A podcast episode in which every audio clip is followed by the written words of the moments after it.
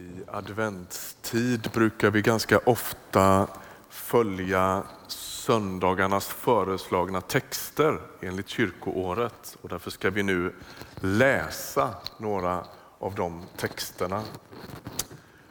Och jag börjar läsa från psalm 85. Jag vill höra vad Gud säger. Herren förkunnar välgång för sitt folk och sina trogna och för de redbara. De som fruktar honom har nära till hans hjälp. Hans härlighet bor i vårt land. Godhet och trofasthet möts. Fred och rättvisa omfamnar varandra. Trofasthet spirar ur jorden, rättvisa blickar ner från himlen. Herren själv ger allt gott. Vårt land ger sin gröda. Rättvisa går framför honom, fred och välgång i hans spår.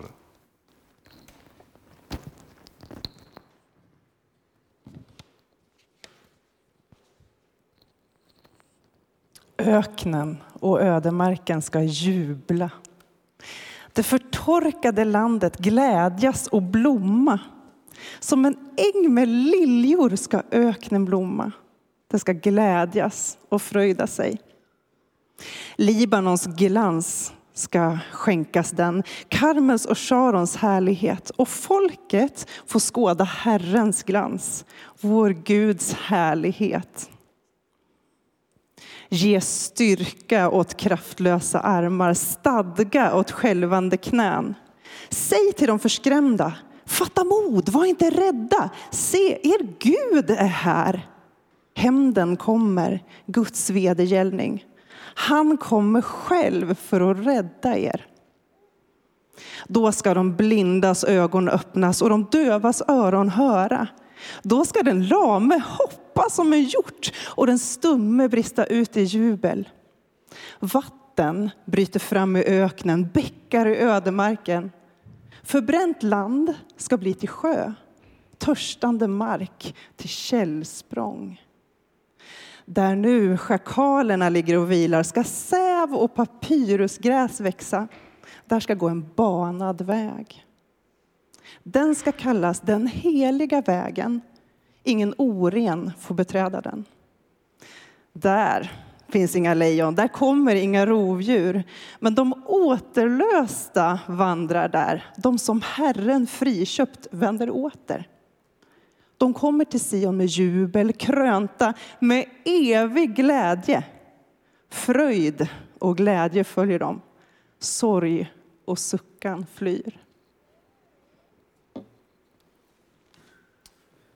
Ska vi resa oss och lyssna till evangelietexten?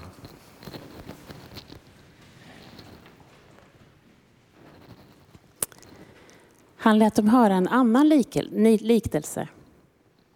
Himmelriket är som ett senapskorn som en man sår i sin åker.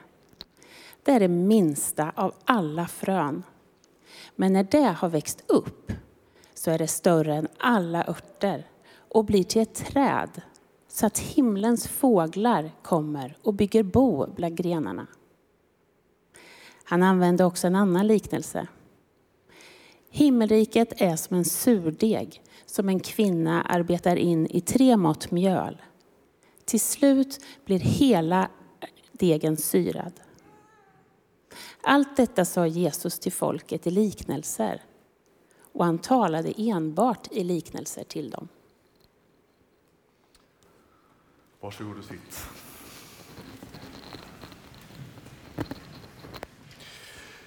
Genom hela gamla testamentet så växer bilden fram av den kommande Messias. Messias på hebreiska eller Kristus på grekiska, det är samma sak och betyder den smorde.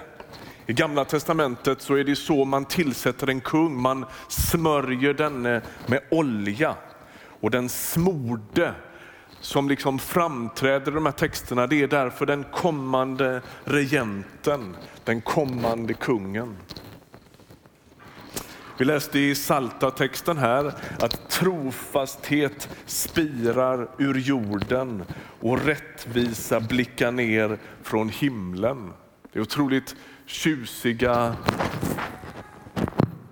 tjusiga uttryck för det här. Löftena om vad Gud ska göra fyller liksom gudsfolket i gamla testamentet med förväntan. Gud är på gång. Och genom generationerna så väntar gudsfolket på den kommande kungen. Nu vet ju vi med facit i hand att de utvecklar en del bilder av hur den här kommande kungen ska bete sig som så småningom faktiskt står i vägen för verkligheten.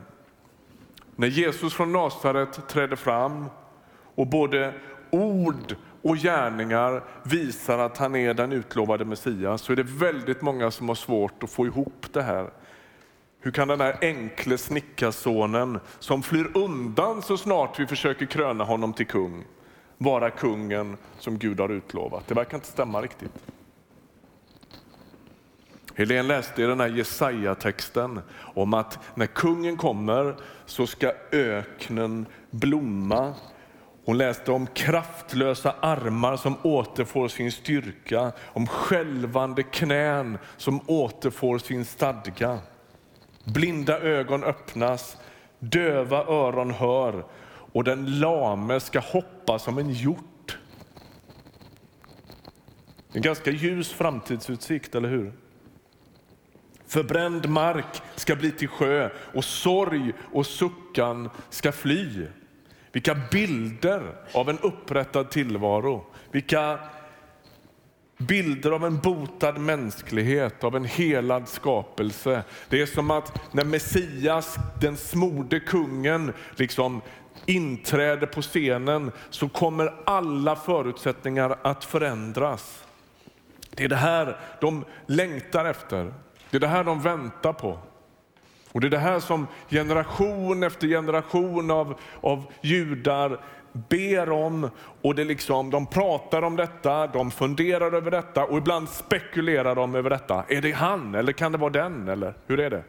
Och när Jesus kommer så är ju det här högaktuellt. Det har varit en del andra Messias-pretendenter som har liksom påstått att de är Messias. De har gjort det med våld och, och upplopp och allt möjligt. Och så kommer Jesus och så är han allt annat än det som de har tänkt att han ska vara på ett sätt. Och samtidigt uppfyller han ju alla de här sakerna. Frågan är, hur ska det kunna ske? Hur ska allt detta kunna liksom inträda i tillvaron? Amen, Jesaja beskriver ju här vem det är som kommer på besök. I vers 4 i Jesaja 35 läste vi så här. Säg till de förskrämda, fatta mod, var inte rädd. Se, er Gud är här. Hämnden kommer, Guds vedergällning. Han kommer själv för att rädda er. Han kommer själv. Hans hämnd och hans vedergällning, vad är det för någonting? Ja, vi kommer till det strax, men vad betyder det att han kommer själv? Det är häpnadsväckande hur den Gud som har uttalat hela skapelsen bara genom sina ord, var det ljus så var det ljus. Han som har vidrört världen med sin andedräkt, han kommer själv. Plötsligt ska han vidröra världen med sin egen hand. Och bara det faktum att han har en egen hand är anmärkningsvärt. Han blir en del av det skapade. Han rör vid den skapade världen. Han vandrar på den skapade jorden. Han sover i vanliga sängar. Gud ska själv komma till er. Men det är ju oroväckande med den där hämnden. Vedergällningen. Vem är det som kommer och hur går det där till? Ja, men Gud, vi råkar ju veta, vi sitter inne med, med facit. Gud hämnas på makterna genom att förnedra dem på det mest obegripliga sätt.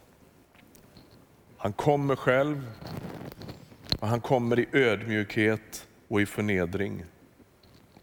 Det finns ett citat av en teolog och pastor i USA som heter Greg Boyd som jag tycker väldigt mycket om. Han säger så här, när Gud spänner sin allsmäktiga muskel ser det inte ut som Rambo eller Terminator.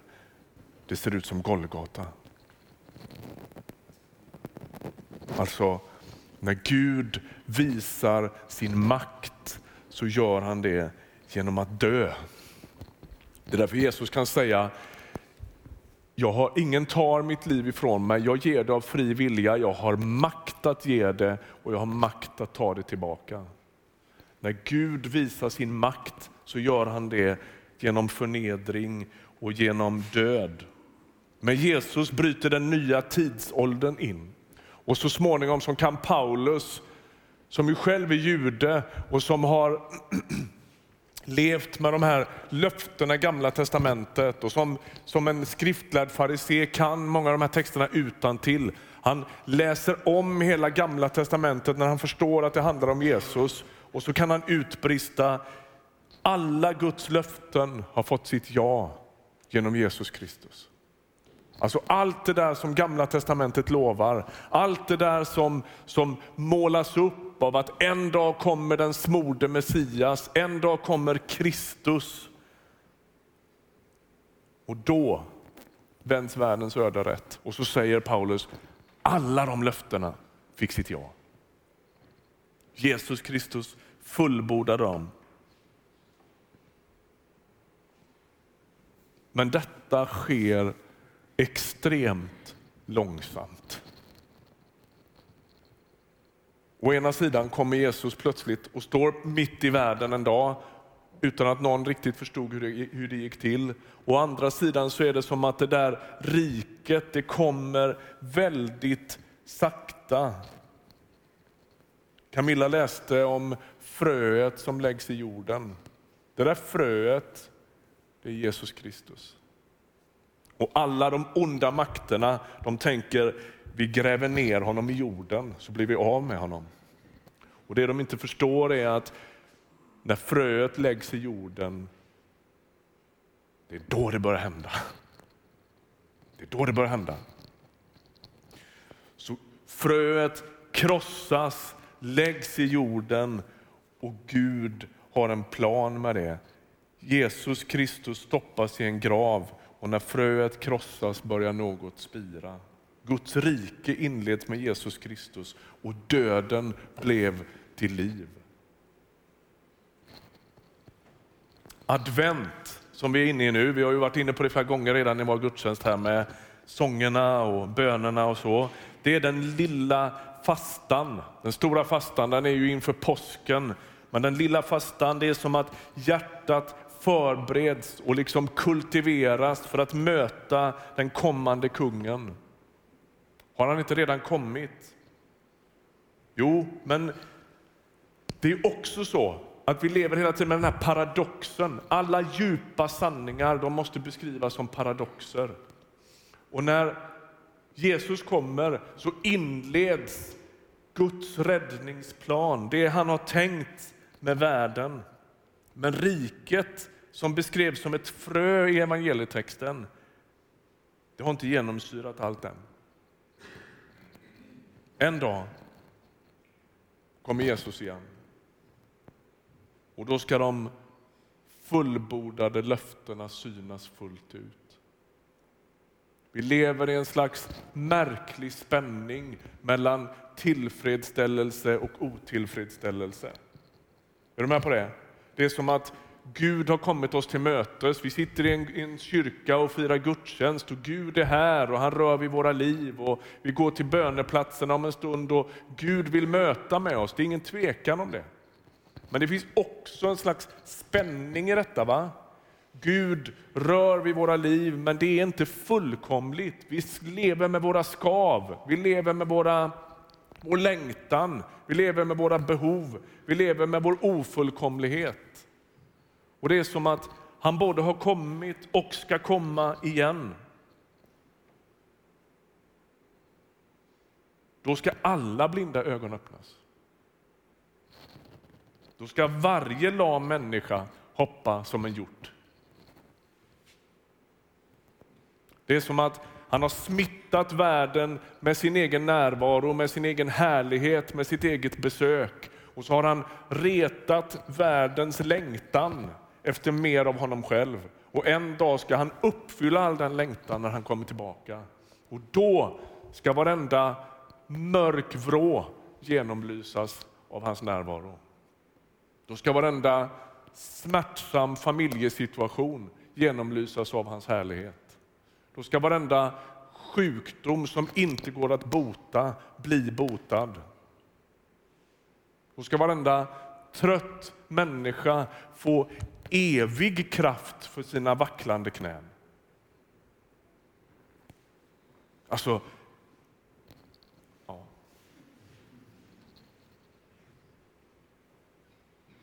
Får jag ge ett citat till som jag tycker är otroligt fint?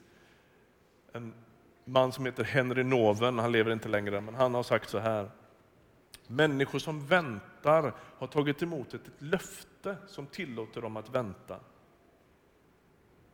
De har tagit emot något som är verksamt i dem, likt ett sädeskorn som börjat gro. Vi kan bara vänta om det vi väntar på redan börjat för oss. Så väntan är aldrig en rörelse från ingenting till någonting. Det är alltid en rörelse från någonting till någonting mer. Slutcitat. Alltså, Gud har rört vid våra liv. Gud har rört vid världen och det är det som har börjat liksom reta längtan i våra liv. Och nu längtar vi inte bort från det, utan vi längtar till något mer. Han måste få röra ännu mer vid världen, han måste få röra ännu mer vid våra liv. Han måste få lösa oss i ännu större utsträckning från all skit som binder och stör och skaver i våra liv.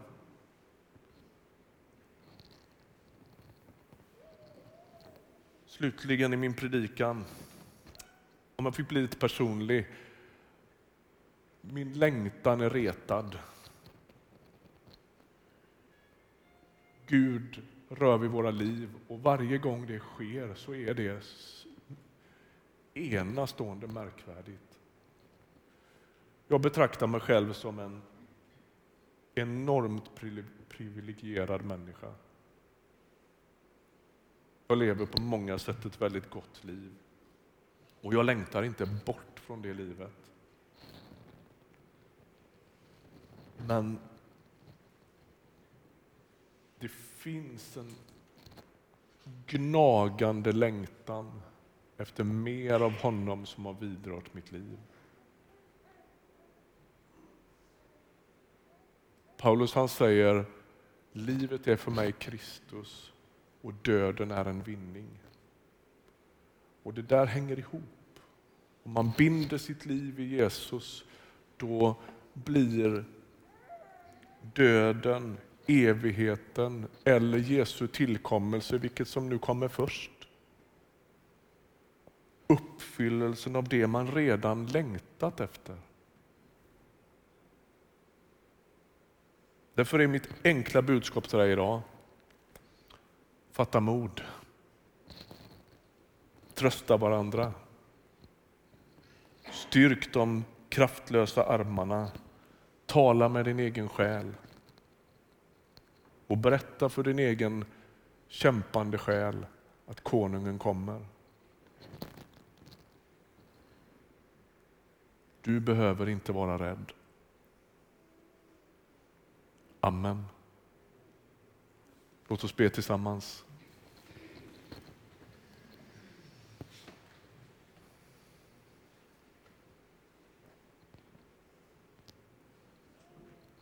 Herre, vi tackar dig för att du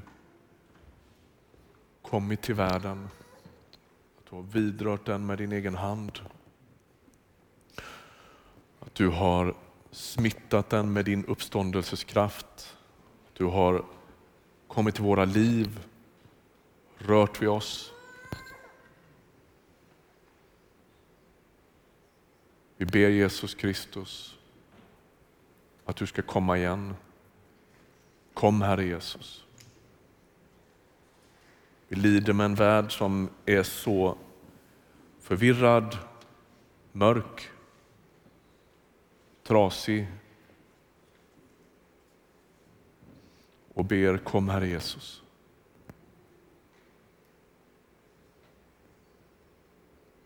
Vi ber för våra egna liv som där det drar och sliter i all uppmärksamhet, alla flyktmekanismerna, allt som försöker att stjäla vår, vårt fokus. Förbered våra hjärtan på att du ska komma. Fostra oss i uthållighet, väntan, längtan. Kom Herre Jesus. Kom Herre Jesus. Herre, vi ber att vi inte ska missa dig när du rör dig i världen. Tack att det gång efter annan sker på oansenliga sätt som det här sädeskornet vi läste om i texten. Som surdegen som bakas in i, i, i degen. Herre, du kommer på oansenliga vis och så genomsyrar du med din härlighet. Hjälp oss, smörj vår blick, hjälp oss att se och upptäcka vart du går fram. Smörj våra ögon så att vi kan se att du rör dig också i våra liv. Vi ber om det. Tack att du styrker den maktlöses armar. Tack att du ger stadga åt vacklande knän. Tack att vi inte behöver vara rädda. Amen.